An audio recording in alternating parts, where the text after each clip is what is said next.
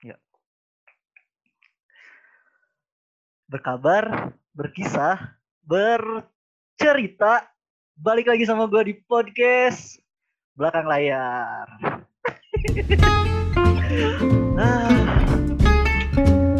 udah berapa lama ya? Udah oh iya udah kelewat. Harusnya ini tuh podcast tayang di minggu kemarin ya, cuma karena ada kendala dari guanya dan dari tim juga ada kendala jadi kita ditayangin di minggu ini itu jadi mundur mundur seminggu gitu. Apanya? Si jadwal rilisnya. Nah gimana nih kabar kabar-kabar kalian semuanya? Ya semoga sehat. Semoga baik-baik aja walaupun lagi karantina gini juga. Ya jangan inilah. Jangan apa? Jangan bosan jangan aduh apa ya? Kayak saya ngomongnya. Pokoknya jangan bosan di rumahnya. Coba lakukan hal-hal yang produktif. Hal-hal yang mungkin bisa mengalihkan rasa bosan ini rasa bosan lu kalau di rumah. Begitu. Nah karena di sini juga apa? Gue udah sama narasumber ya oh iya lupa. Jadi podcast yang sekarang ini tuh di tag lagi pakai zoom karena memang karena memang masih masa karantina juga ya. Jadi mohon maaf nih kalau misalnya si nanti si sinyal eh si sinyal si hasil suaranya ada kresek-kresek oh. Ada kresek-kresek oh iya lupa itu headset juga ada ketan kan tadi. Makasih makasih tim. Suaranya kresek-kresek nah ya udah jauhin kerasa-kerasa terus misalnya nanti ada yang putus ya itu kendala sinyal ya. Yang maklum aja ini masih podcast baru. Ini aja baru episode kedua. Alat-alat masih seadanya. Belum bisa profesional lah kayak Om Deddy atau Bang Atta kayak gitu. Ya langsung aja.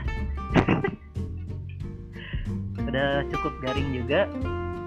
Kita apa ya mau harusnya ada bridging ini tuh cuma nggak ada materi bridgingnya ya. Jadi langsung dengerin lo ya kawan-kawan. Semoga tidak bosan gitu. Nah jadi masuk aja ke materi sekarang tuh di episode kedua ini. Nah gua ngundang narasumber anak orang Indonesia sih masih orang Indonesia. Cuma kuliahnya di Turki nih kuliahnya di Turki. Dan dia tuh pokoknya ya inilah sosok yang inspiratif juga gitu. Kalau kalau kalian penasaran siapa nah enggak ini langsung dari si narasumbernya aja nih kenalan.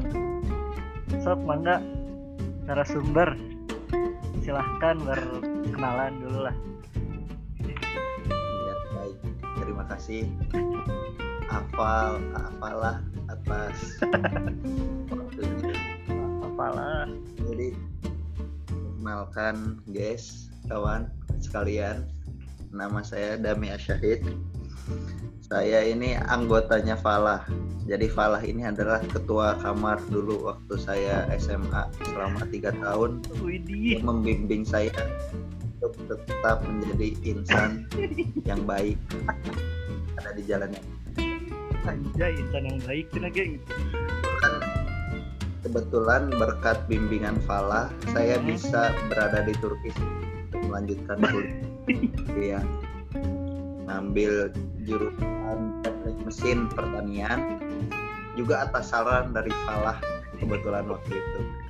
Jadi yang sebenarnya inspiratif adalah Falah bagi saya. Aduh. Tuh Falah. Aduh. Ini perkenalan Iya, Duh, terima kasih ya tuh sudah dengar sendiri ya perkenalan dari narasumbernya. Sebenarnya tadi itu fitnah ya. Tadi udah ini udah Gak fitnah juga sih cuma ah, benar emang ketua kamar.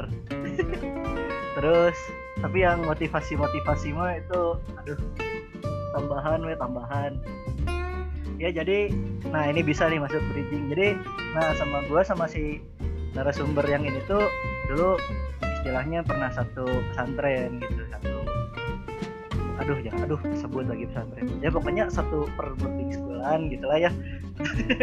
Satu per boarding schoolan nah jadi si Dami ini iya apa teman sekamar juga. Terus sama kayak narasumber kemarin di episode 1 si si langit si langit. Si langit juga tuh sempat teman sekamar juga gitu sama gua. Nah sekarang ada juga nih teman kamar gue yang inspiran juga. Pokoknya bagus-bagus lah. Ya ketua kamarnya juga percaya lah ya. Oh itu mang cina nyalain micnya cina mang nyalain micnya. Nah biar biar tektokan atau kita biar natural podcastnya nggak pakai zoom gitu kayak podcast soalnya biar teratur soalnya kan online begini jadi biar gantian gitu untuk ngobrolnya biar nggak saling oh, berebut. Oh iya iya. Itulah. benar Wes. berebut saya bukannya hmm. Tapi di gimana Falah hari-harinya Wait, gimana? kebalik bang kebalik. Itu bagian host. Nah ya udahlah tadi kan oh iya udah dijelasin juga tadi ini sedang itu emang teman dari ya teman dari SMP SMA coba baru sekamarnya pas cuma baru ininya pas SMA ya teman jadi teman sekamarnya. Nah sekarang langsung aja lah kita tanya-tanya nih pengalaman Mang Dami dari dari ini dulu ya dari cerita awal dulu lah emang.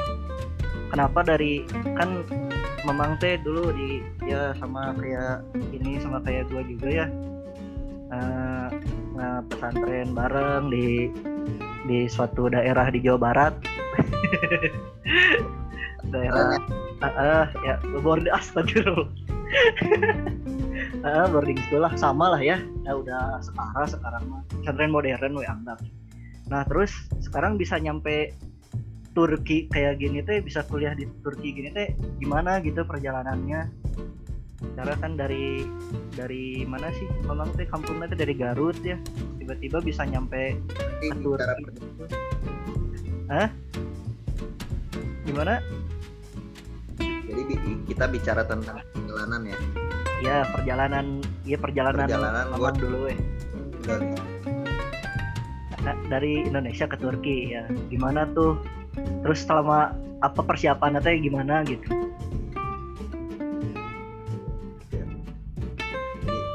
makasih lagi nih lah terus waktunya nih.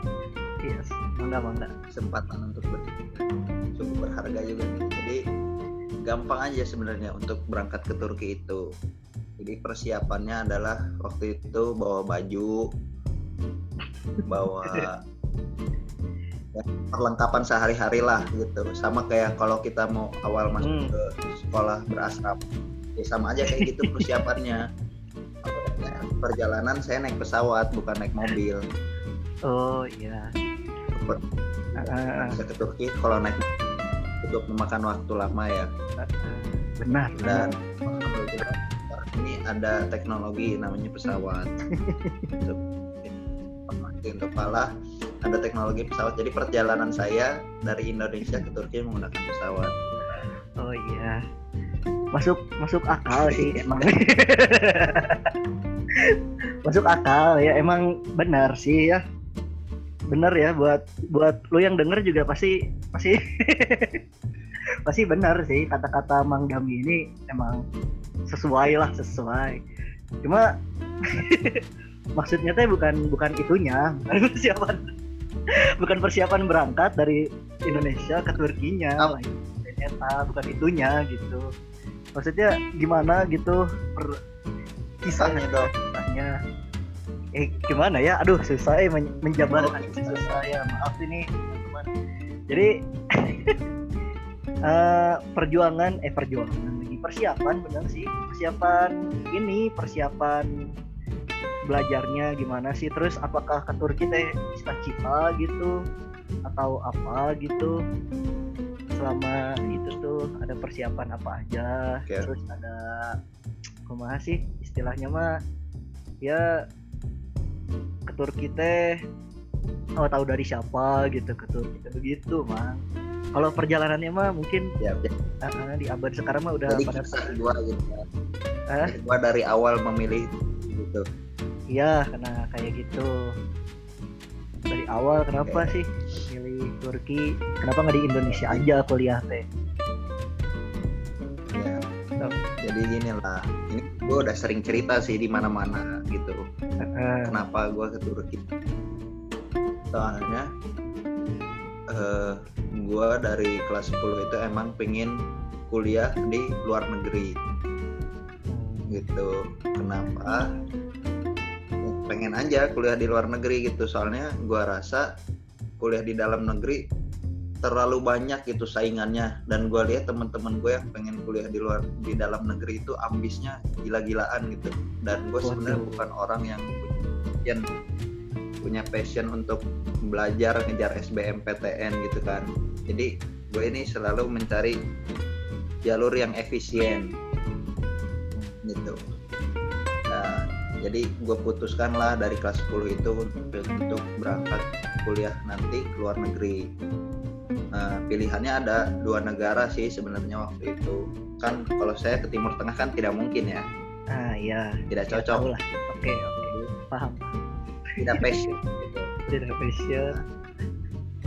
Jadi pilihan negaranya ada dua. Pertama Jerman kalau enggak Turki. Gitu. Nah udahlah gitu. Konsultasi gitu kan sama orang tua dan ternyata menurut orang tua lebih baik Turki.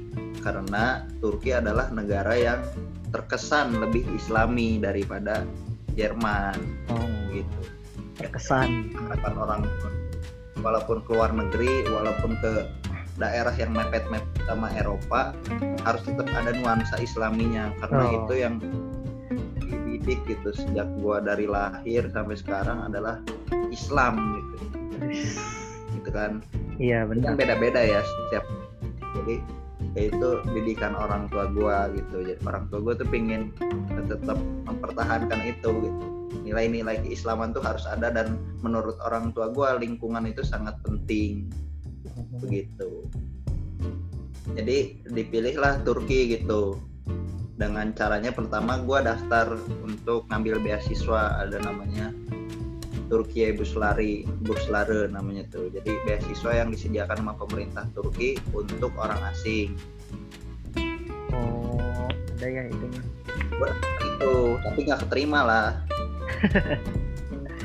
Gak keterima? Soalnya soalnya? soalnya ngisi ngasal gitu. Ngisinya ngasal kurang niat lah. Aduh. Nah. Nah terus kumaha tuh? Gue tetep pengen pengen ketuk gitu. Alhamdulillah waktu itu ada ya ada yang mengadakan tes di Indonesia salah satu universitas di Turki yang sekarang gue ini belajar namanya Burs- Bursa Uludah University nah akhirnya gue tes. Latihan teman-teman yang lain ya soalnya gue nggak passion di belajar tapi alhamdulillah dengan kemampuan gue yang pas gue bisa tetap lulus gitu untuk belajar di Turki.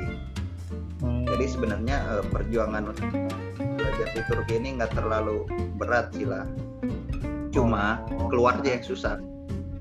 Keluarnya yang susah lah untuk lulus. oh berangkatnya mah gampang pulangnya susah gitu ya. oh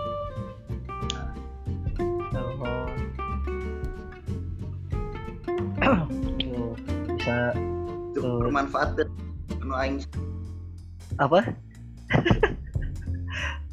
Manfaatnya bermanfaat atau bermanfaat. standarnya ditingkatkan lagi nih? Oh enggak nggak usah. Kita mah nggak nggak ada setting settingan ya di sini mah.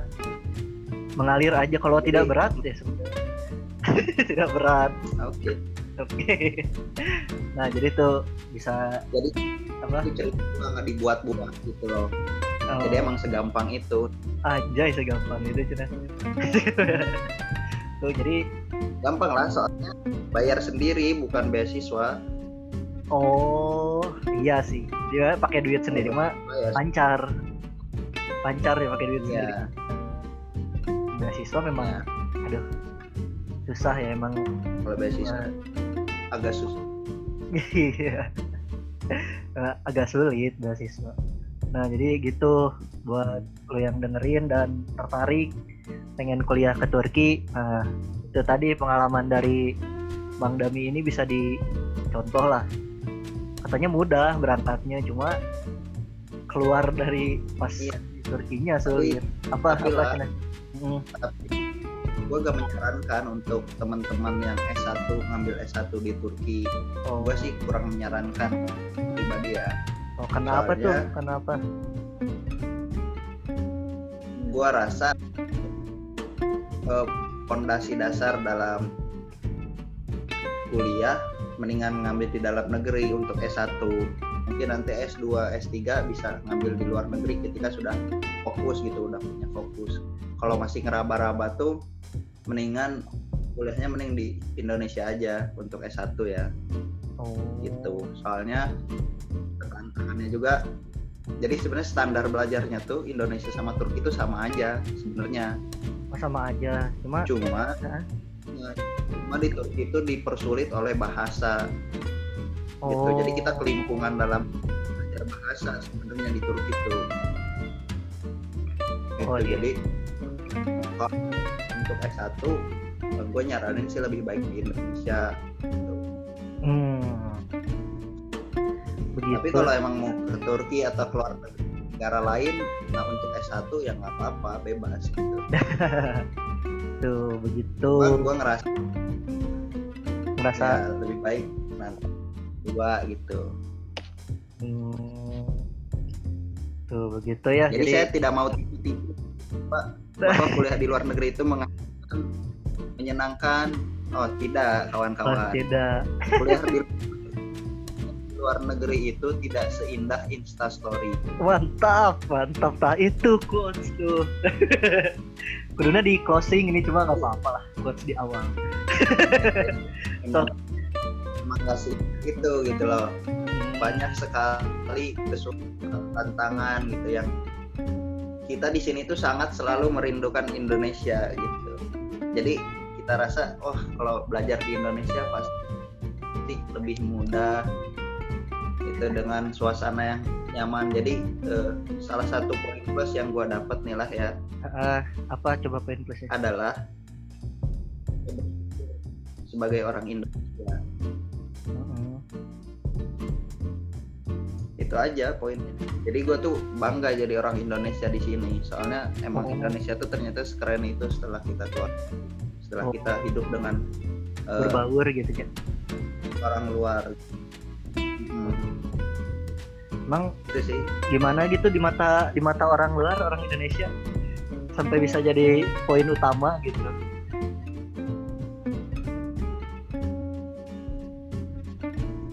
Jadi gini. Keren. Ah, kenapa orang bisa bersyukur sebagai orang Indonesia? Dari hal kecil aja sebenarnya lah. Eh, keramah tamahan orang Indonesia gitu.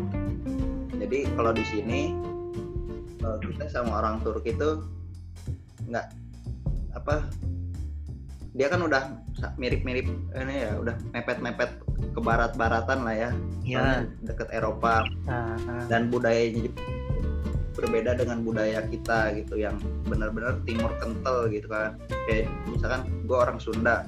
Kalau lewat tuh kan punten misalkan kan Iya, permisi. permisi ya. Kalau Turki nggak begitu begitu nggak ada lempeng aja gitu.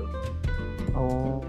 Nah jadi hangatan berwarga negara itu yang sebenarnya gue rinduin kayak di Indonesia. Walaupun nggak semua orang kayak begitu ada juga yang ramah juga ada.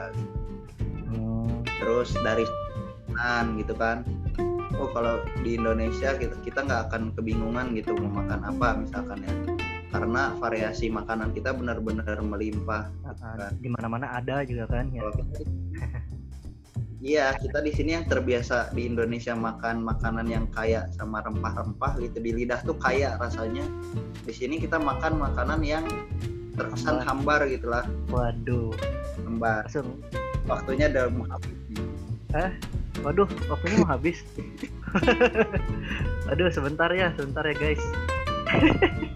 Jadi hal kayak gitulah yang bikin Oh. kita merindukan Indonesia oh jadi yang sekarang di Indonesia masih mengeluh aja kuliah apa segala macam. Lebih baik dinikmati gitu. selama kalian masih di Indonesia. Aduh. Nikmati suasana Indonesianya nyomangnya sebelum menyesal tidak bisa menikmati lagi. Nah iya eh. kayak gua di sini menangis nangis lagi puasa begini kan. Ah iya apalagi oh iya benar lagi Ramadan sekarangnya puasanya kalian di Indonesia mungkin tinggal beli takjil yang uh banyak sekali kan variasinya. Kita di sini Hmm. setiap hari bikin sendiri takjil. Bikin sendiri sesuai menyesuaikan yang di Indonesia Iya. malahnya. Menyesuaikan. Ya kita tuh bikin bala-bala cireng gorengan gitu kita bikin. Nah, kita nggak ada di sini sirup marjan itu nggak ada segernya marjan kolak. wah itu bener-bener Aduh sekali gitu loh. Benar-benar aduh kayak kehilangan ya kehilangan. Hmm. oh tuh. Jadi aduh aduh tar jadi buat ya buat lu yang buat yang dengar dan masih emang bercita-cita ingin kuliah ke luar negeri tadi bisa didengerin tuh penjelasan dari Mang Dami ini gitu gimana rasanya kuliah di luar negeri bukan ingin membunuh cita-cita kalian bukan maksud dari podcast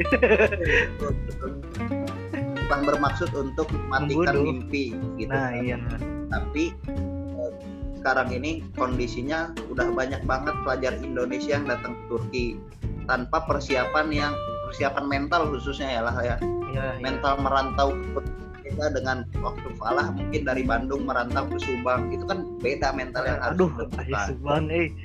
Ya ya terus?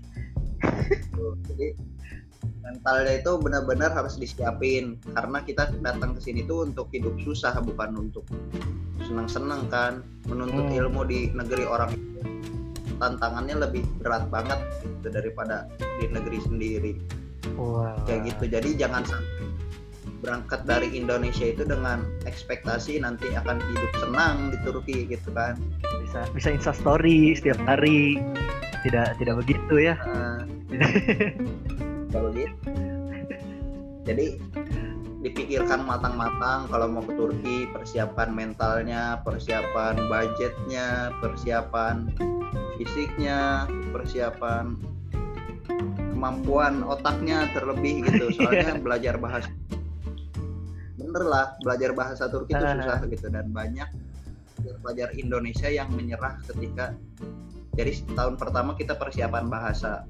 Oh oh ada persiapan bahasa dulu. Persiapan itu, eh, banyak yang menyerah di persiapan bahasa karena ternyata bahasa Turki nggak segampang itu gitu. Jadi lebih baik memutuskan untuk kembali lagi ke Indonesia. Nah kan kalau udah kayak gitu kan sayang gitu. Loh udah buang uang nah iya buang materi gitu tenaga waktu gitu jadi kalau mau keluar negeri itu emang harus dipersiapkan matang-matang gitu hmm, itu sih iya benar sangat pesannya memang bukan sangat untuk mematikan nah biar iya. seimbang aja perting Nah, iya itu. Nah, itu buat lo yang denger itu tuh catat. Jadi tidak tidak untuk mematikan mimpi kalian yang memang ingin masih ke luar negeri atau ke Turki khususnya tidak. Cuma tadi kata penjelasan Bang Dan itu ini kondisi realitanya di sana kayak gimana.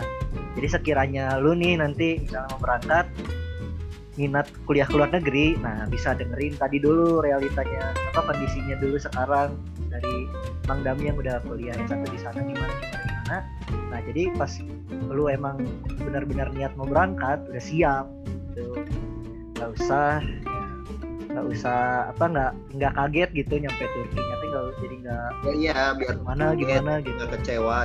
Nah iya itu benar kata Dami biar nggak kecewa biar nggak kaget. Kalau udah kaget kecewa nanti kan jadi nggak nggak semangat kuliahnya gitu kan. Nah. Pengen pulang aja Nah, itu? Jangan jangan sampai lah. Yang di kuliah dalam negeri juga sebenarnya banyak sih, mau yang merantau gitunya dari misalnya kampungnya di di mana? Di Jawa Timur gitu. Tiba-tiba kuliah ke Jawa Barat. Kan mungkin udah kultur shock juga gitu ya. Dan jadi nggak betah juga. Nah Ya. ini apalagi ke luar negeri gitu kultur shocknya lebih lebih edan lebih hype lagi kultur shocknya. Jadi buat lu yang mau masih emang gigih buat berangkat kuliah ke luar negeri. Nah ini jadi pertimbangan juga. Begitu. Jangan asal berangkat berangkat beasiswa berangkat. Oh, ya kayaknya susah emang ya kalau gitu mah bisa bisa hancur bisa hancur di Turki. Langsung saja kita tutup kali ini. Wabillahi taufiq Wait, wait. Eh. belum belum. Tuh ini masih banyak. Ini skripnya juga masih panjang tuh Aduh, udah udah di ini udah di udah di persiapan mau ngasih ah. Jangan di close dulu. Nah jadi itu dulu tuh. Jadi apa? Itu tuh tadi share pengalaman. Nah terus oh iya apa? Masuk ke jangan masuk atau ya apa istilahnya biar teman-teman tidak bosan mendengarnya. Nah kan podcast ini teh sebenarnya mah itu kan tadi pembukaan ya. Podcast ini tuh jadi ngebahasnya teh tentang sebenarnya latar belakang organisasi. Tapi itu tadi ilmu ilmu ilmu ilmu sedikit lah buat gimana mau ke Turkinya buat keluar negeri. Nah sekarang kita organisasinya nih. Dengar dengar nih dengar dengar ya nih mas. Saya organisasi terlarang. Saya organisasi terlarang. Wes tidak mungkin tidak mungkin terlarang. Eh, terlarang mah bahaya tuh. Nanti bisa di ini bisa di apa take down podcast saya. Jangan nanti ya. Ini organisasi yang benar weh. Nah ber tadi juga oh iya lupa disebutin di awal beren mang ya. Tadi cuma nyebutin jurusan kuliah ya nah jadi si ini mang gitu ya sebenarnya setelah ceritanya tadi berangkat ke Turki dan di Turki juga berhasil ya berhasil survive lah sekarang ya tadi walaupun banyak pahitnya nah di Turkinya tuh sekarang dia jadi ketua PPI Bursa. Ketua PPI Bursa tuh Bursa tuh kota yang tadi kota di Turkinya yang si Mang Dami kuliah sekarang universitasnya. Nah sekarang dia jadi ketua PPI-nya di sana. Itu pasti wah pasti apa ya? Ya buat lu juga yang pengen jadi ketua PPI di luar negeri kan ini bisa nih bisa digali nih ilmunya nih. Dari Mang Dami siapa tahu berangkat ke luar negeri dan emang cita-citanya pengen oh gue pengen ngurus himpunan di luar negeri. Nah ini nih langsung aja kita sharing-sharing. Sharing-sharing ke topik utamanya nih. Ketua PP ketua PPI itu apa sih? Persatuan oh persatuan pelajar Indonesia. Persatuan pelajar Indonesia di himpunan oh perhimpunan pelajar Indonesia. Eh, maaf maaf maaf ketua tidak saya mah ini Bang- mana nih? Bandung saya mah perhimpunan lokal. Ya. jadi mangga mang. Oh iya dari oh iya dari gua ya pertanyaannya. Bentar kan sorry sorry sorry. Benar jadi langsung cerita. Jadi gimana nih mang? Ceritanya kan udah survive tah di Turki tadi di awal. Pahitnya gimana? Terus akhirnya ya walaupun belum lah belum lah oh belum soalnya belum survive. lulus. Oh bukan. Sur- survive sampai detik ini. Oh, kalau oh, survive itu udah lulus. Oh, ya udah bertahan lah Ya. Jadi gua, gua kan udah semester terakhir nih Ah, bisa aja gua kandas nih di jalan kan Walah, jangan sampai Nggak. aku- Oh iya iya benar benar. Oh tapi ya udah. sejauh ini alhamdulillah gua usaha untuk survive Ah. nah, begitu.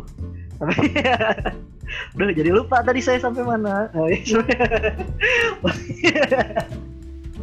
ah, pokoknya mah. Benar Boleh, benar tadi. diganti. Ini Iya, aduh. ganti aja hostnya. Sebenarnya saya iya sekarang itu ya.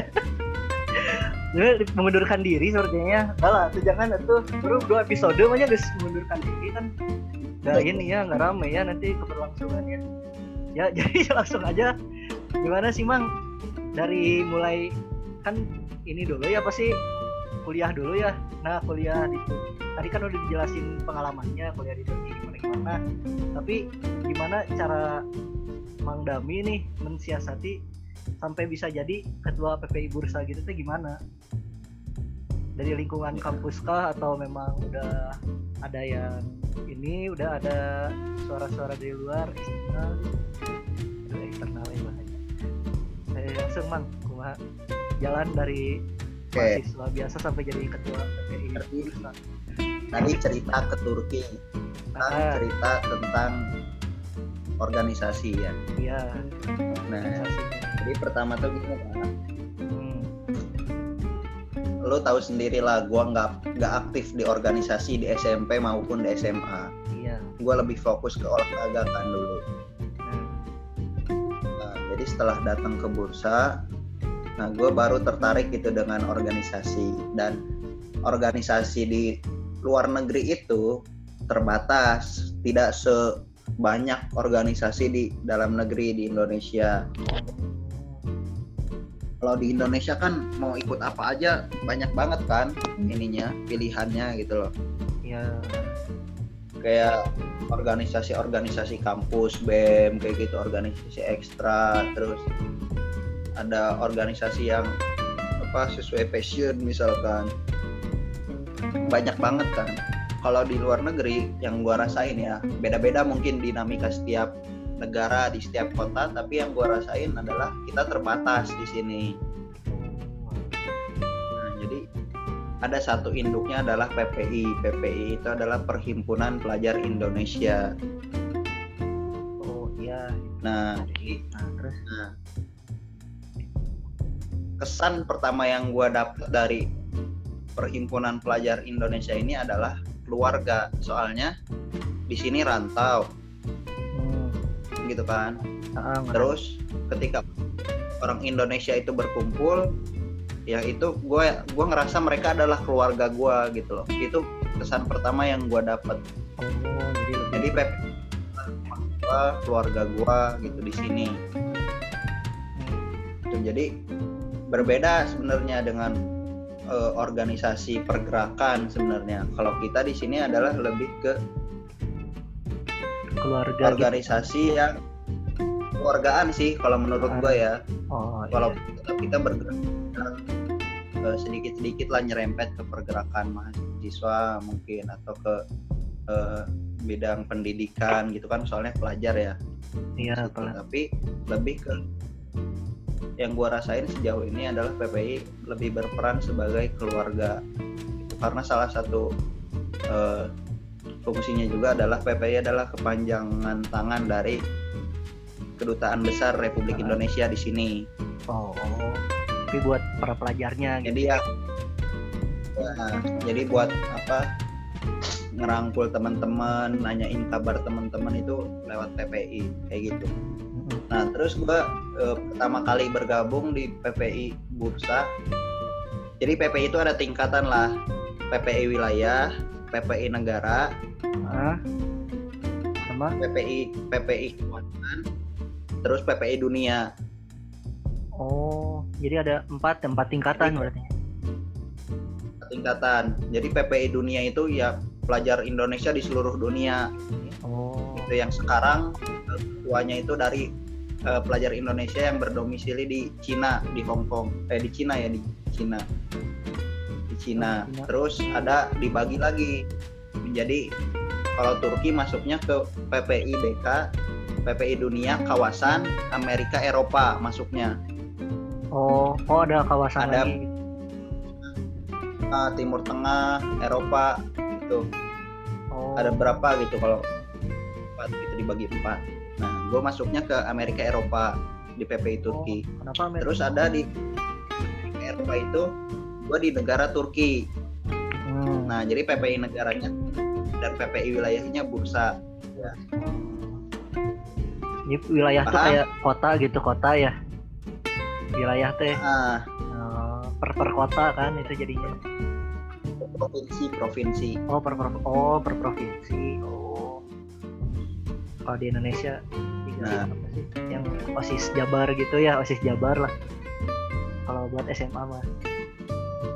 Udah kayak gitu lah nah terus nah, di PPI bursa ini gue pertama kali bergabung di divisi sosial dan budaya. Oh.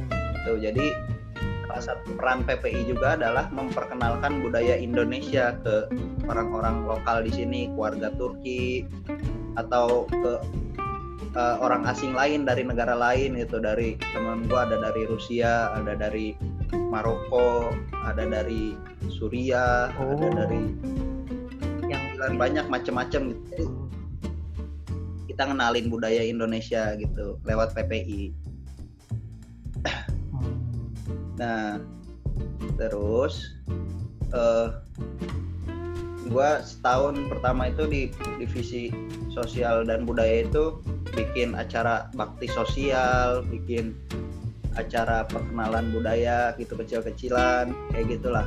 Dan juga eh, sebagai pengurus yang mengontrol gitulah yang mengatur gimana nih biar budaya di PPI Bursa ini dan keadaan sosial di PPI Bursa ini tetap stabil gitu. Soalnya kita mengusung eh, apa asasnya, asasnya. kekeluargaan. Kekeluargaan.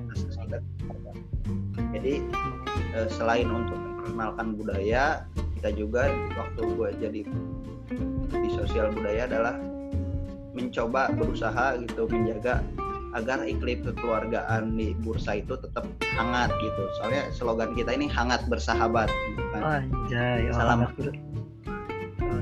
bersahabat oh, jadi alhamdulillah sampai sejauh ini kalau lu ada kesempatan gitu main ya ke Turki main ke kota Bursa amin, amin. bakal ngerasain lu bakal ngerasain hangatnya orang-orang Indonesia yang ada di sini. Walaupun kita datang dari suku yang berbeda-beda dari latar belakang yang berbeda-beda. Oh. kayak gitu. Tapi tetap satu tuh Indonesia. Ya. gitu, kalau nah, inilah. terus gua gue semakin tertarik gitu dengan oh seru juga nih kita berorganisasi yang gue belum ngerasain gitu keseruan organisasi di SMP SMA ah, baru tertarik pas itu ya di sana. Di tahun kedua gue masuk ke kepilih menjadi ketua divisi di divisi keilmuan oh tahun kedua oh habis dari sosial budaya deh tahun keduanya langsung kadif itu ilmuwan divisi ilmuwan ya Nah, kenapa divisi keilmuan? Soalnya ketika di akhir-akhir masa menjabat di divisi sosial budaya sebagai anggota, gue juga uh, bikin sebuah wadah diskusi bersama teman-teman yang lain, bikin wadah diskusi namanya Bursa Literasi. Bursa, oh. Nah, Bursa literasi. nah mungkin gue aktif di Bursa Literasi juga, terus juga gue jadi penulis di majalah ya nah ketua waktu itu menilai gue cocok untuk jadi ketua divisi keilmuan. Padahal gue orangnya nggak berilmu lah. Oh, yes, yes, tidak mungkin. Orangnya jadi berilmu lah berilmu. Pemilih, itu bukan karena gue berilmu tapi karena, karena haus ilmu. Wis. Jadi gue ini selalu gelas kosong insya Allah Masya gelas Allah. kosong ya. Terus Masya Allah. Masya Allah. Ih, jadi terenyuh gini ya sebenarnya. Astagfirullah. Berubah ya, uh, alhamdulillah waktu itu gue dapet apa ketua divisi keilmuan. Yang mungkin penilaiannya gara-gara itu gara-gara uh, setahun berjalan. Ya bursa literasi namanya. Setahun berjalan gue adalah misinya adalah menumbuhkan minat membaca menulis dan berdiskusi di lingkungan PPI Bursa. Dan gue kira bakal segampang uh, kita bikin acara kebudayaan gitu yang asik-asik gitu kan. Nah, ternyata, ternyata bukan budaya baca tulis dan diskusi itu lebih berat gitu daripada bikin kita uh, acara yang menampilkan budaya Indonesia misalkan tarian atau Wah. nyanyi budaya Indonesia lah pokoknya. Baik dari itu makanan segala macam ternyata menumbuhkan semangat budaya baca tulis diskusi itu lebih susah. Nah, tapi uh, ketika apa gue menjabat sebagai ketua divisi sosial eh ketua divisi keilmuan itu alhamdulillahnya gue bisa menularkan keresahan gue ke teman-teman gue yang lain gitu. Keresahan tentang kita nih di bursa kurang loh nih uh, budaya baca tulis dan diskusinya. uh, walaupun kita nggak bisa langsung kayak oh semuanya suka baca semuanya suka menulis semuanya suka diskusi kan nggak bisa begitu ya, kan? ada yang namanya proses. Nah, tapi alhamdulillah selama setahun gue menjabat itu bersama teman-teman yang lain juga tentunya kita bisa menularkan gitu. Menularkan keresahan kita tentang pentingnya budaya baca tulis dan diskusi. Sehingga eh, hasilnya adalah ketika kita musyawarah tahunan di forum di forum itu semua semua apa peserta forum sepakat bahwa PPI Bursa di tahun selanjutnya harus fokus ke bidang akademik gitu selain perkenalan budaya.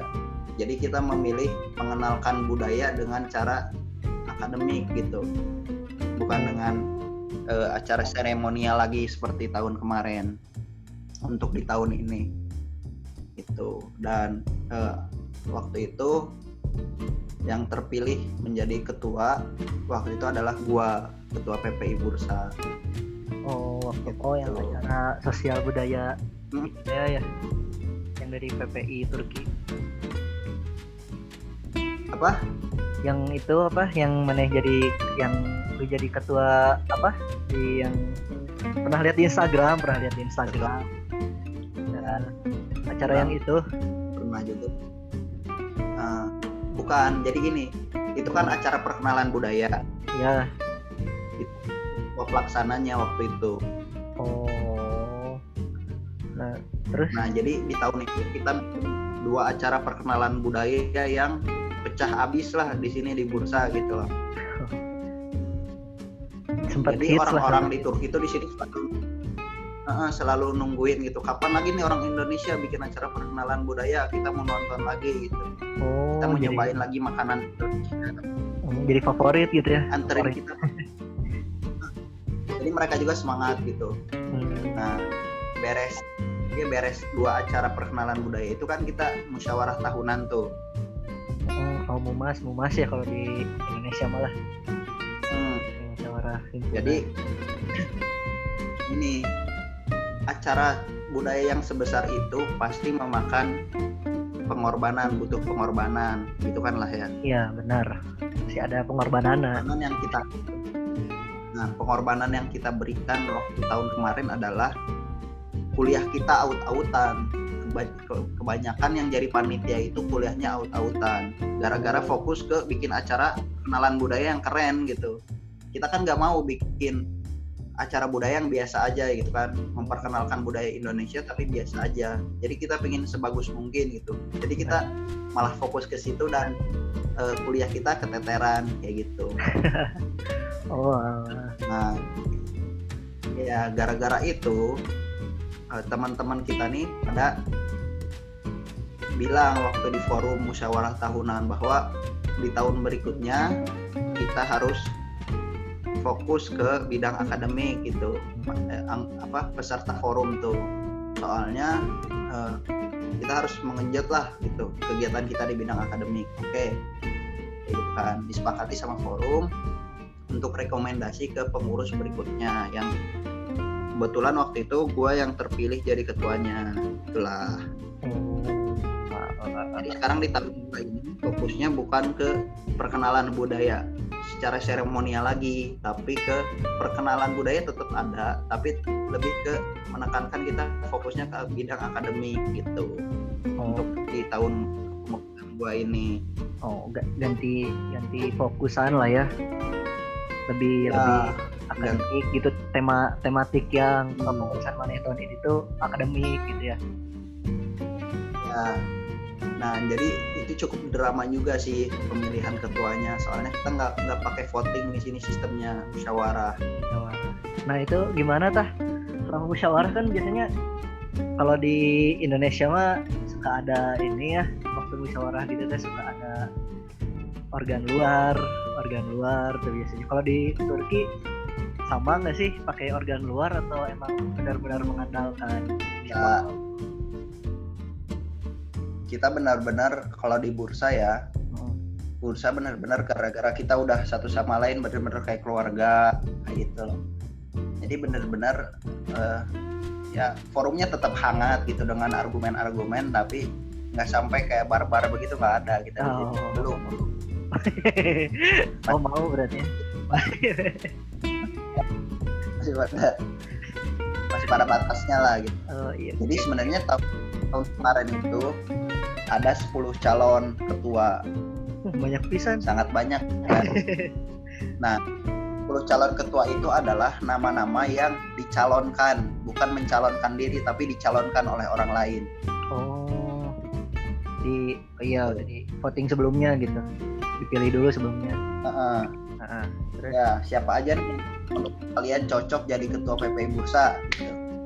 Nah setelah ada nama 10 itu dan gue termasuk salah satu di dalamnya, kita musyawarah gitu bareng-bareng menyampaikan visi misi gitu.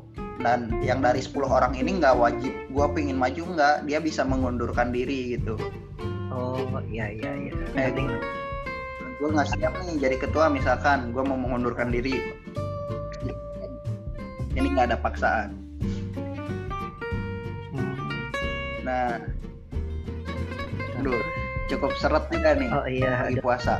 oh, oh, belum buka ya di Turki aduh kasihan tahan dulu ya emang ya Eh, kalau kalau Zat Oke, 10 10 nama. Eh disampaikanlah argumen-argumen me- penilaian gitu menurut forum. Ini orangnya gimana ini orangnya gimana gitu kan. Gagasannya kayak gimana. Hmm. sampai akhirnya mengerucut menjadi dua orang. Jadi kan banyak yang mengundurkan diri juga kan. Oh iya iya. Nah, bisa dua orang. Gua sama wakil gua sekarang. Oh jadi wakil sih itu teh. Kerjasama. Yang satu lagi Ji.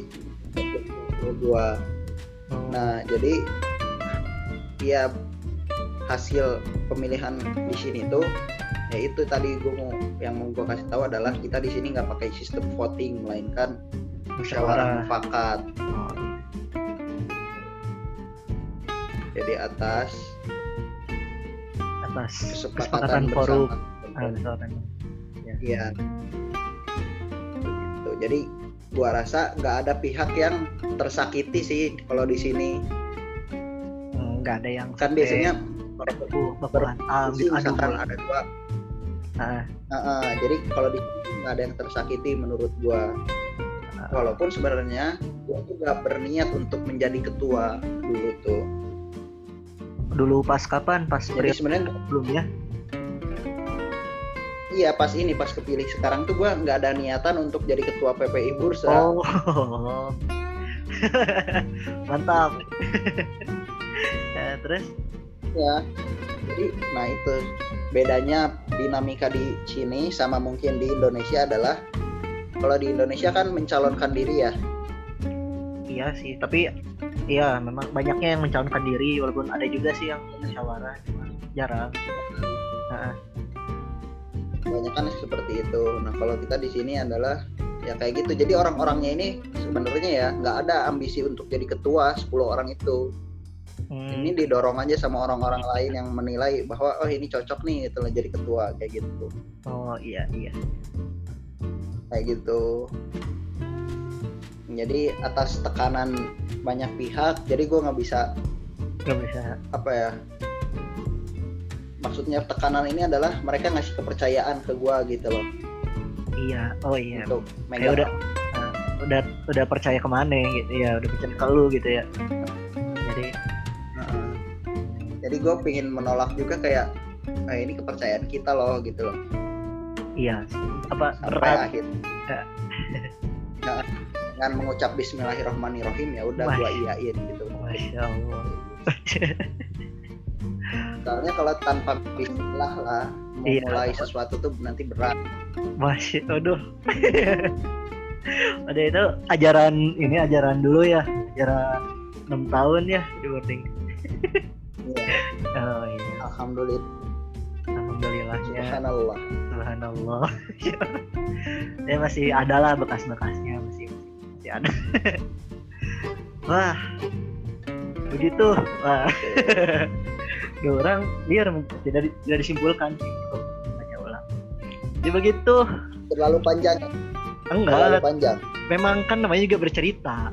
Kalau pendek mah nanti jadi cerpen ini kan bercerita tanpa Nah, batas. Sebenarnya itu belum itu belum semua lah. Iya. Jadi masih diringkas ringkas.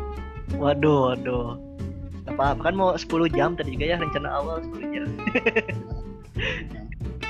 Enggak lah jangan. jadi gitu. Apa gua tuh terinspirasi lah dari lo dulu dalam Tuh, tuh. memimpin kamar lima lo memimpin dengan menggunakan Ya. gaya apa sih lah kan beda-beda setiap pemimpin gayanya ada yang otoriter ah demokratis gitu. ya ada yang gitu ah, Nah. nih, boleh diceritain nggak buat gue juga biar belajar dari lo gitu yang udah tahun dulu memimpin itu Iya. adalah hal yang sulit menurut gue lah sok sampaikan karena kamar oleh dulu kamar lima itu diisi oleh binatang buas. Jadi sulit pasti kan mengatur. Benar benar sangat sulit. Dialami lah. Gaya kepemimpinan apa dulu di kamar lima sebenarnya lah. Itu yang jadi rasa penasaran gue sih lah sebenarnya. Waduh jadi bertanya balik ini teh jadi ber... jadi ini Ya, balik kita saling belajar gitu oh iya benar benar. Saling belajar. Ya. kita, kita ngobrol Hmm, bukan wawancara. Oh, is- saya anjay. adalah orang yang belum pernah di wawancara belum ada apa-apanya. Wis, jadi iya. kita ngobrol aja. Waduh.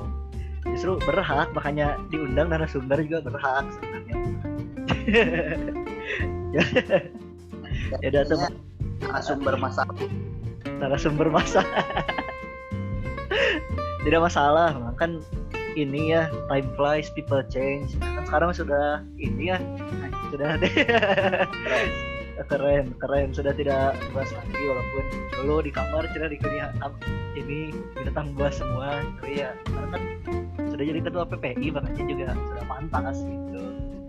Kalau gaya pemimpinan gak usah lah ya dah. emang nggak ada gaya kepemimpinan orang mah dulu.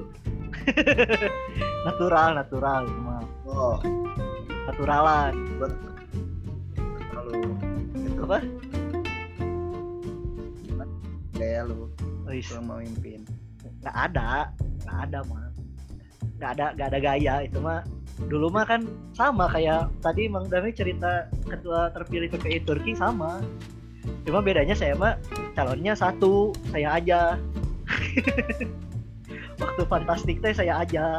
Eh aduh kesebut fantastik waktu Secara orientasi teh saya aja gitu cuma cuma gua yang dipilih jadi ya mah benar-benar mau Bismillah mau tidak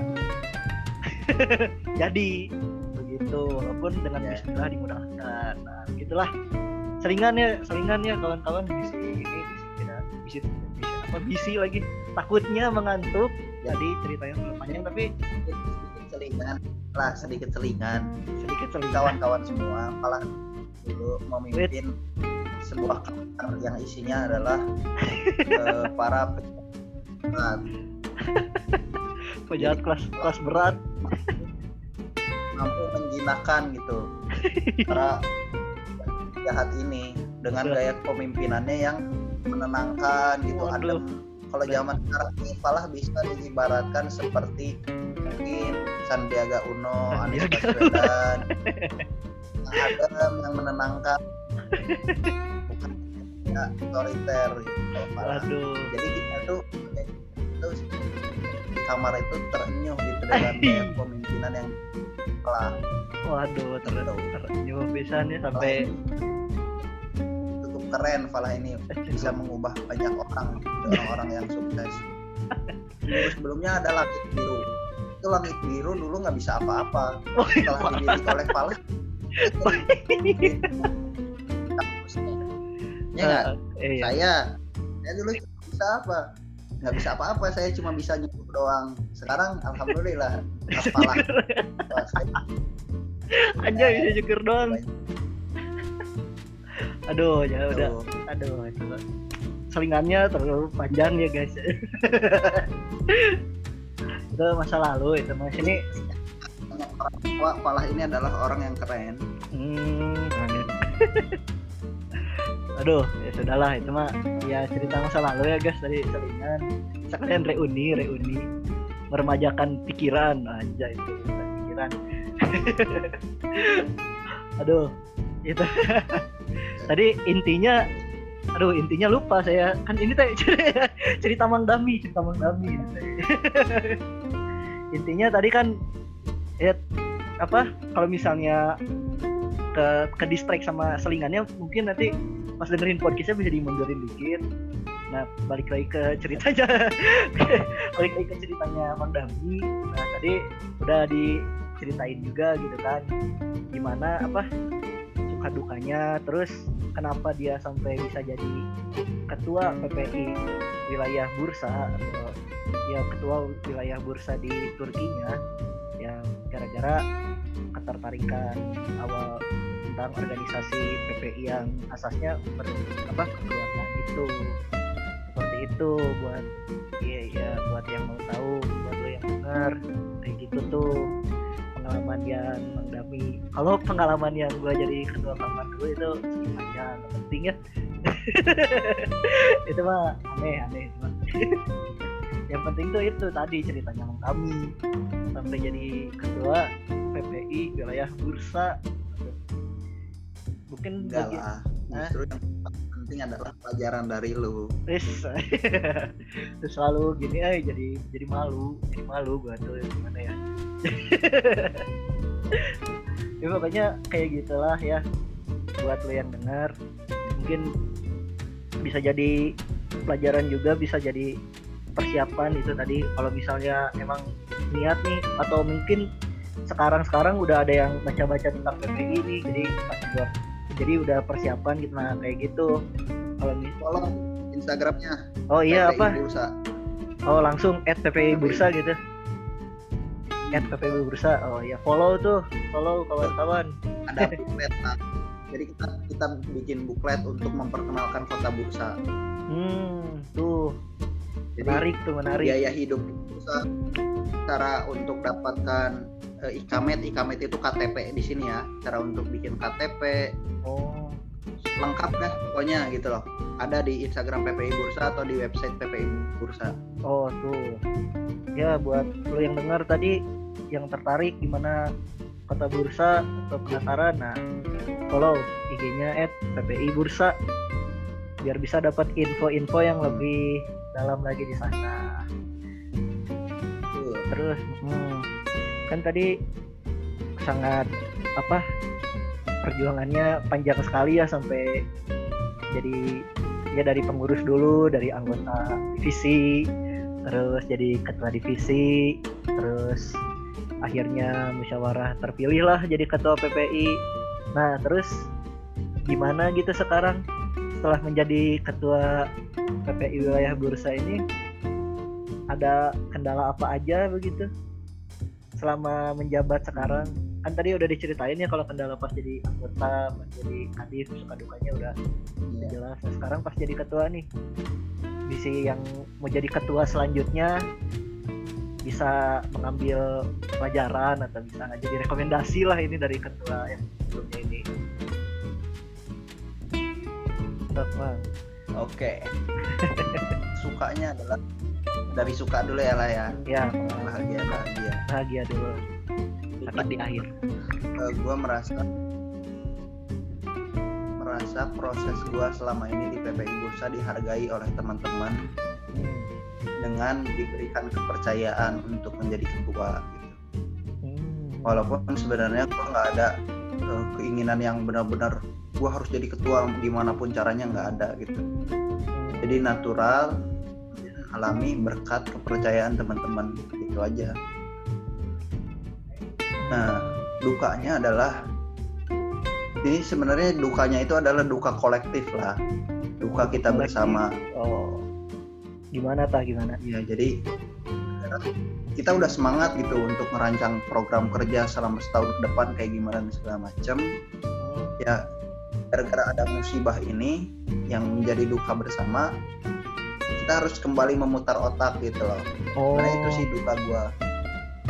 oh jadi Memutar otak untuk gimana nih organisasi harus tetap berjalan tapi kita nggak bisa keluar sama sekali berhubung kan di Turki sangat ketat ya untuk peraturan iya uh, lockdown oh iya sih iya benar itu. jadi se- sempat untuk sempat bikin semangat gue berorganisasi itu menurun gitu. Karena jadi kan kita nggak ketemu teman-teman gitu kan nggak ngerasain dinamika sebenarnya gitu kan di dunia Oh. nyata. Ah, mau balik ke dunia. Wis iya benar. Tuh. iya sih kayaknya emang sekarang ya seluruh dunia lagi merasakan ya. Jadi memang cukup memutar otak. Sebenarnya itu tadi mau ditanyain di selanjutnya cuma udah dijawab juga ya. Ternyata jadi duka Ya. kan jadi duka gitu cukup selama inovatif apa? Ke mana? Kok saya gimana? cukup inovatif jadi kita udah tahu. Bisa gitu ya emang. Lebih cocok jadi host sebenarnya anda ya saya sebenarnya gue jadi ini jadi sebenarnya nggak cocok gitu di podcast ini.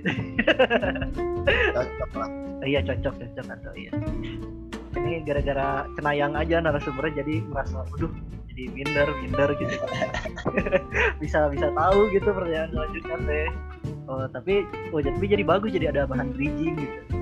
Jadi kan jadi duka ya. Tadi kata Mang Dami Ya. yang ininya apa mengelola organisasi di masa covid kayak gini gitu. Ditambah lagi saum badannya jadi semangat berorganisasinya juga berkurang ya karena lapar. Tapi gak boleh nggak boleh berkurang kalau Kalau lagi saum harus Astagfirullah ya tak gimana sih cara memutar otaknya teh? Tadi kan kata Mang Dami harus jadinya memutar otak semua kegiatan yang proker-proker yang harusnya jalan secara langsung dialihkan ke dunia maya.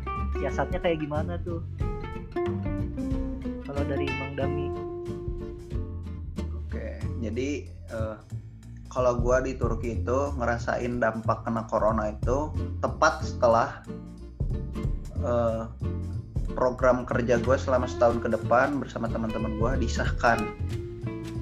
Jadi setelah proker kita disahkan pek ketuk palu. Enggak minggu depannya tuh udah ketat banget gitu peraturan. Dilarang keluar dilarang berkumpul kayak gitu padahal kita udah punya optimisme yang wah kita harus bikin program yang keren-keren nih gitu kan yang seru-seru dan segala macem tapi terkena lah itu dampak dari lockdown itu sendiri gitu kan Nah, di situ kita langsung rapat sih yang pasti konsolidasi ulang gitu kan. Iya, online. Jadi gimana? Jadi nah, karena kita ini di sini berperan sebagai keluarga lah.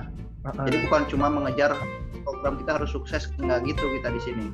Kita di sini sebagai keluarga yang hadir gitu buat anggota keluarga yang lain kan seperti itu kan umumnya Ya. keluarga. saling melengkapi gitu. Heeh, jadi kita di sini benar-benar mutar otak untuk gimana ngasih kegiatan gitu, ngajak teman-teman ini yang lain tetap berkegiatan walaupun kita dikurung gitu ibaratnya ya Hmm, di dalam rumah. Jadi kita walaupun eh, misalkan kemarin acara kita bikin acara membaca puisi bersama, itu bikin puisi dan baca puisi bersama dengan Pak Iman Soleh. Kalau lu tahu yang di Ledeng Pak Iman Soleh. Oh, yang punya itu ya apa? Sasana budaya saya. Sih sasana budaya? Pernah, pernah dengar itu?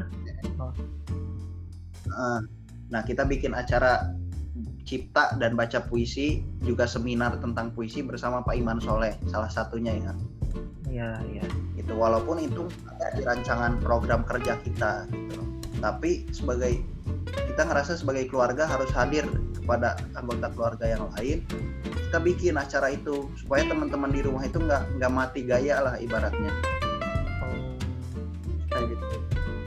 Terus kita bikin kuis interaktif kita bikin video yang menarik dan segala macam untuk eh, tetap ngejaga semangat berorganisasi ngejaga atmosfer eh, semangat berproses itu loh di sini. Kita bikin diskusi-diskusi online kan.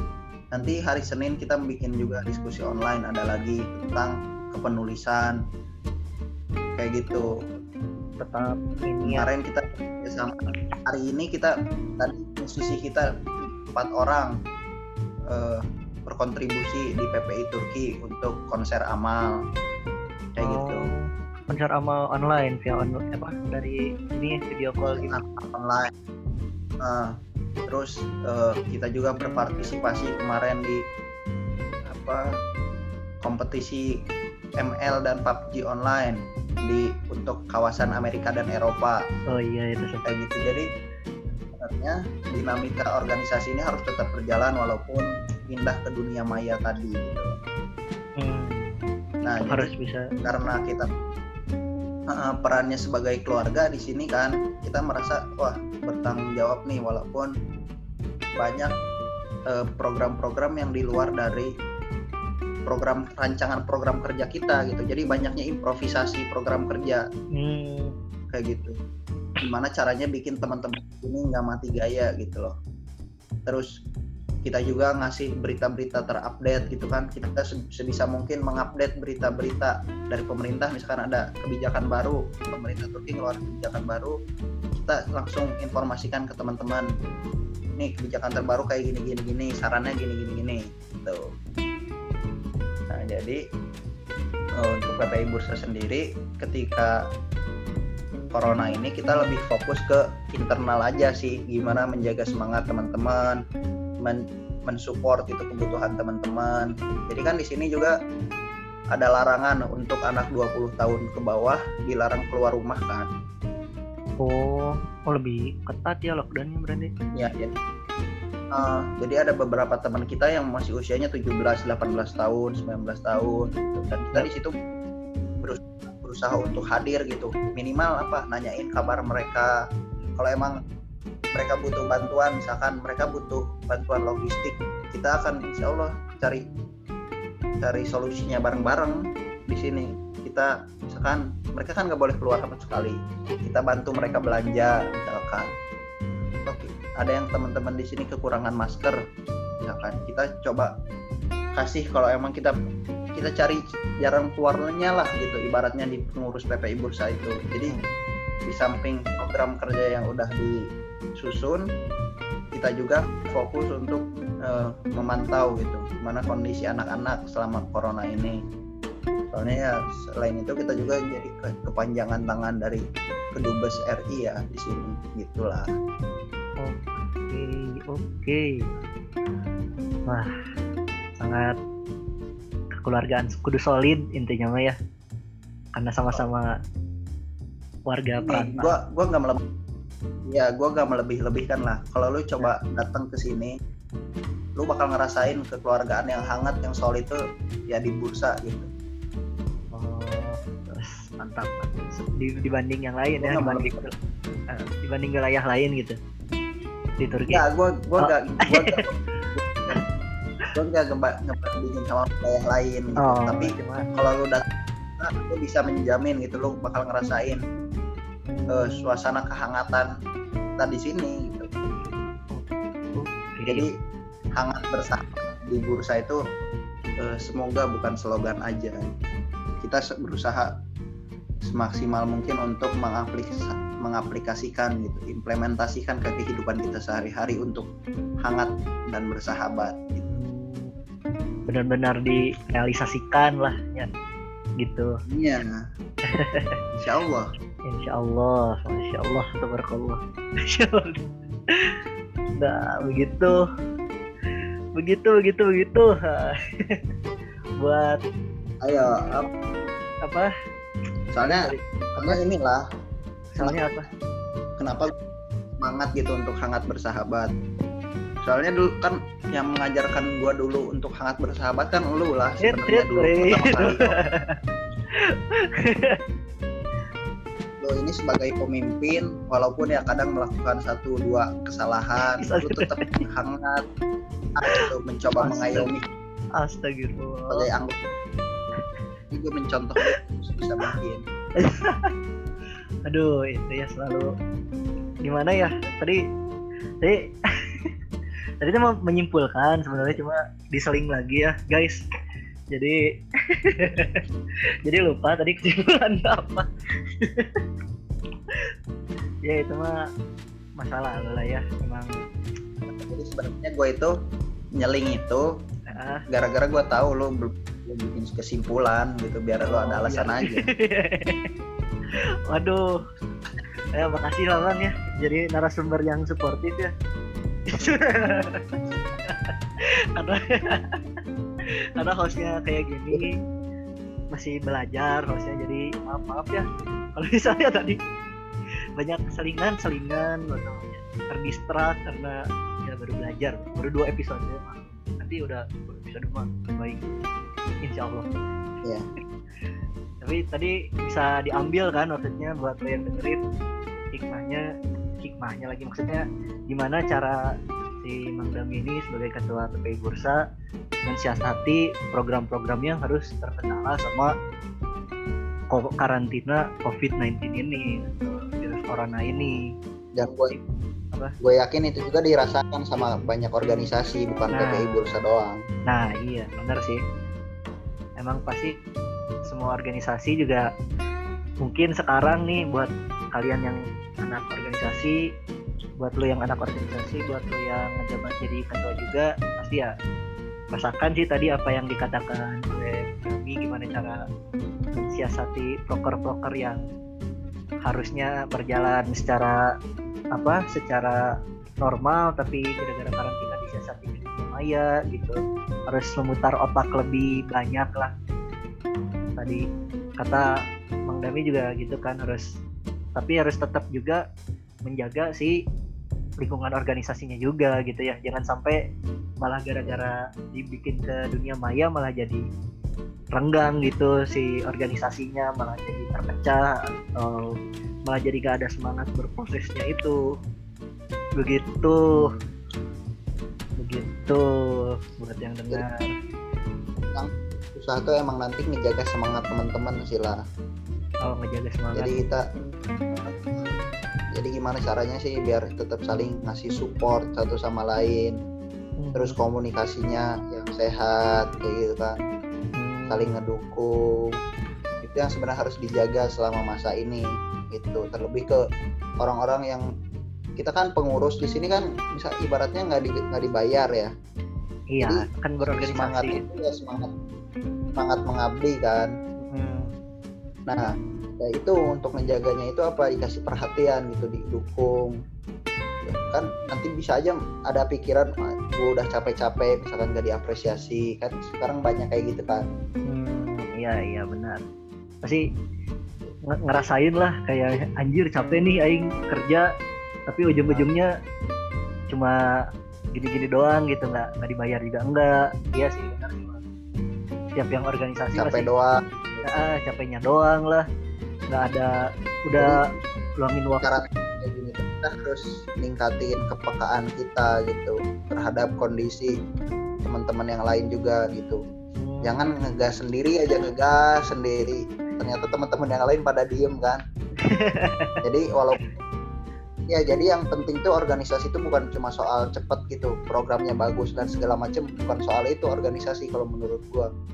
Gimana lu menikmati proses itu walaupun ada gagalnya ada acara lu gagal misalkan atau apa segala macam yang penting lu nikmatin prosesnya itu bareng-bareng gitu loh. Hmm, Kayak gitu.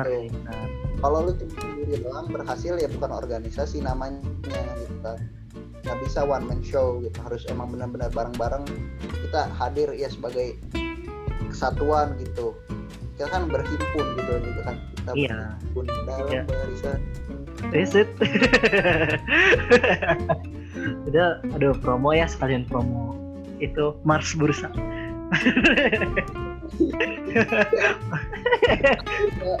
oh iya.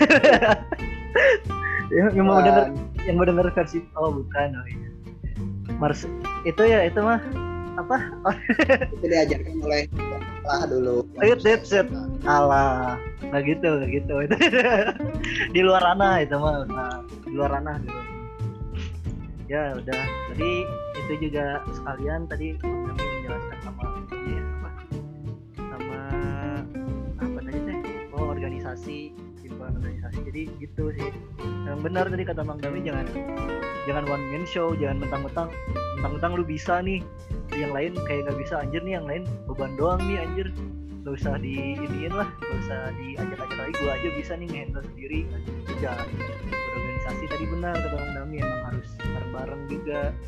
Jadi jangan sampai yang udah hilang semangat udah patah semangat gitu lu lu yang merasa bisa nih lu malah tinggalin malah lu aja yang gerak ke sana kalau bisa mah dirangkul sama lu yang bisa biar yang ini biar yang gak bisa yang semangatnya mulai menurun bisa ke up juga sama semangat lu bisa ke ajak juga.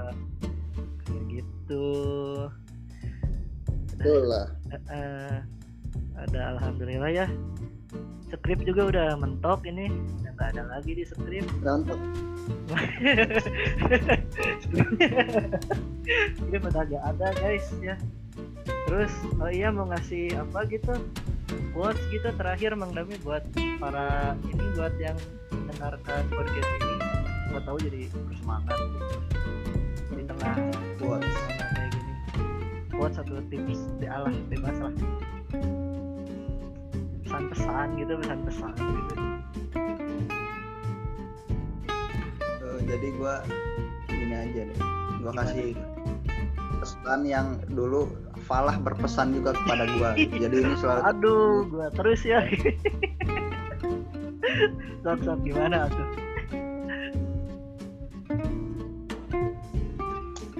Tunggu, gua inget-inget dulu.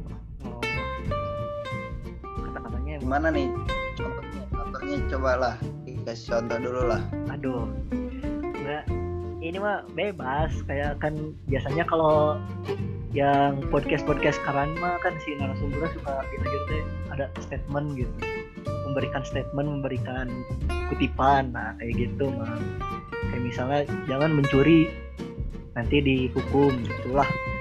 Ya jelek pisan anjing ya tanah jelek pisan contohnya. Udahlah. Kayak gitu lah pokoknya kayak gitu bang. Atau mau memberikan kesimpulan lagi enggak? Tidak tidak ada batasan Jadi tidak ada. Hah? Nah, da- dalam gua nggak tahu sih kan kita beda-beda ya lah. Iya iya. eh, keadaannya sekarang di gimana di Indonesia ketatnya kayak gimana mungkin lo yang lebih tahu Hmm, kalau gue sih eh, pesan aja mungkin ke teman-teman yang juga merantau gitu kan jauh dari orang tua gitu kan. Jauh dari keluarga jauh dari hangatnya keluarga. Nah sebenarnya eh, yang itu adalah sebuah konsekuensi gitu yang sudah kita ambil dulu ketika memutuskan untuk merantau. Dan eh, kalau Buya Hamka bilang kan sekali layar terkembang pantang surut ke belakang gitu. Hmm. itu laki-laki itu harus laki-laki perantau itu harus kayak gitu gitu. Jadi kalau udah memutuskan untuk jangan sampai gitu untuk eh, kembali lagi tanpa bawa hasil gitu kan. Itu yang dulu selalu ditekankan. Terlebih kita sekarang dapat ujian kayak gini contohnya sekarang mungkin eh, pribadi gitu kan di Turki. Sangat benar-benar eh, cukup ketat lah karantinanya. Bahkan suasana Ramadan pun kita kehilangan gitu. Aura mistis Ramadan yang biasanya ada gitu kan setiap Ramadan. Vibes vibes gitu ya istilah vibes. Ya vibes Ramadan nggak ada. Tapi kita mau nggak mau harus tetap ber- berjuang tetap bersyukur tetap gitu kan. Iya. Soalnya intinya sih jangan mengeluh boleh lah. Mengeluh boleh. Tapi keseringan. Iya. dan keseringan. Soalnya ya itulah. Gua nggak jago lah ngasih pesan-pesan gini. Iya. Pantas juga. Itu tadi udah bagus ya tadi udah bisa diambil hikmahnya tadi juga. Pokoknya intinya tetap berjuang lah itu intinya. Hmm tetap tetap. Ya begitu. Tetap ber tetap ber- nah ya gue ngambil ngambil quotes dari ini Mars. Ini apa? Lagu supporter Asifa Supporter Asifa, mantap.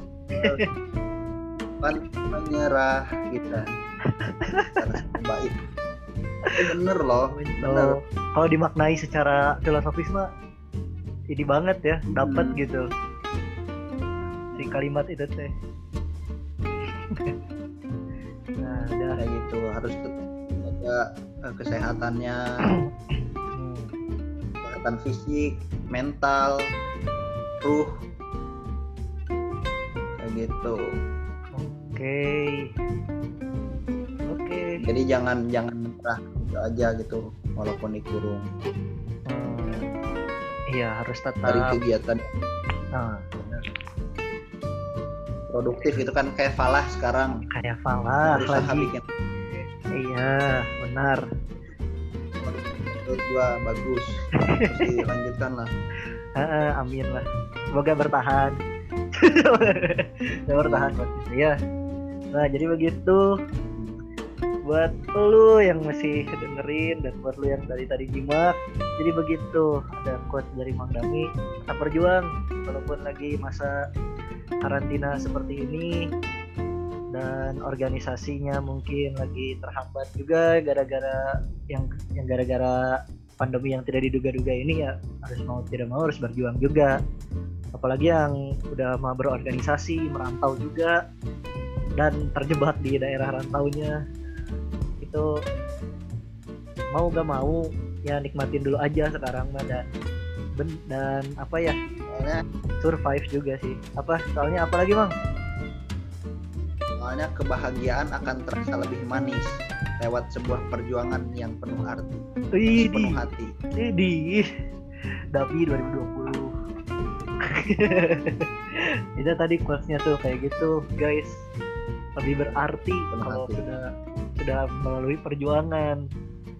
Ke- kebahagiaannya lebih berasa. Aduh susah menyimpulkannya pokoknya gitulah ya. Nanti bisa di- diulang kalau misalnya tidak jelas kesimpulannya. Ya sekian. Alhamdulillah juga ya. Sudah sampai di penghujung skrip. Sudah sampai di penghujung skrip. Dan terima kasih waktunya ya Bang Dami sebagai ketua PPI wilayah Bursa dan mahasiswa di Turki di Bursa Bursa Yuludak Universitas. Ya gitulah. Pokoknya bahasa Turkinya apa pokoknya. Apa? Nah. Uludah Bursa Uludah Uni apa? University sih. Oh University oh University nah gitulah. Bahasa Turkinya bisa cari di Google. Pokoknya kampus di Bursa satu-satunya yaitu kampusnya Bang Dami sekarang. Cuma ada kampus itu. Nah sekian.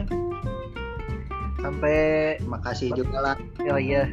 Oh iya dari Bang Dami. Atas kasihnya lah.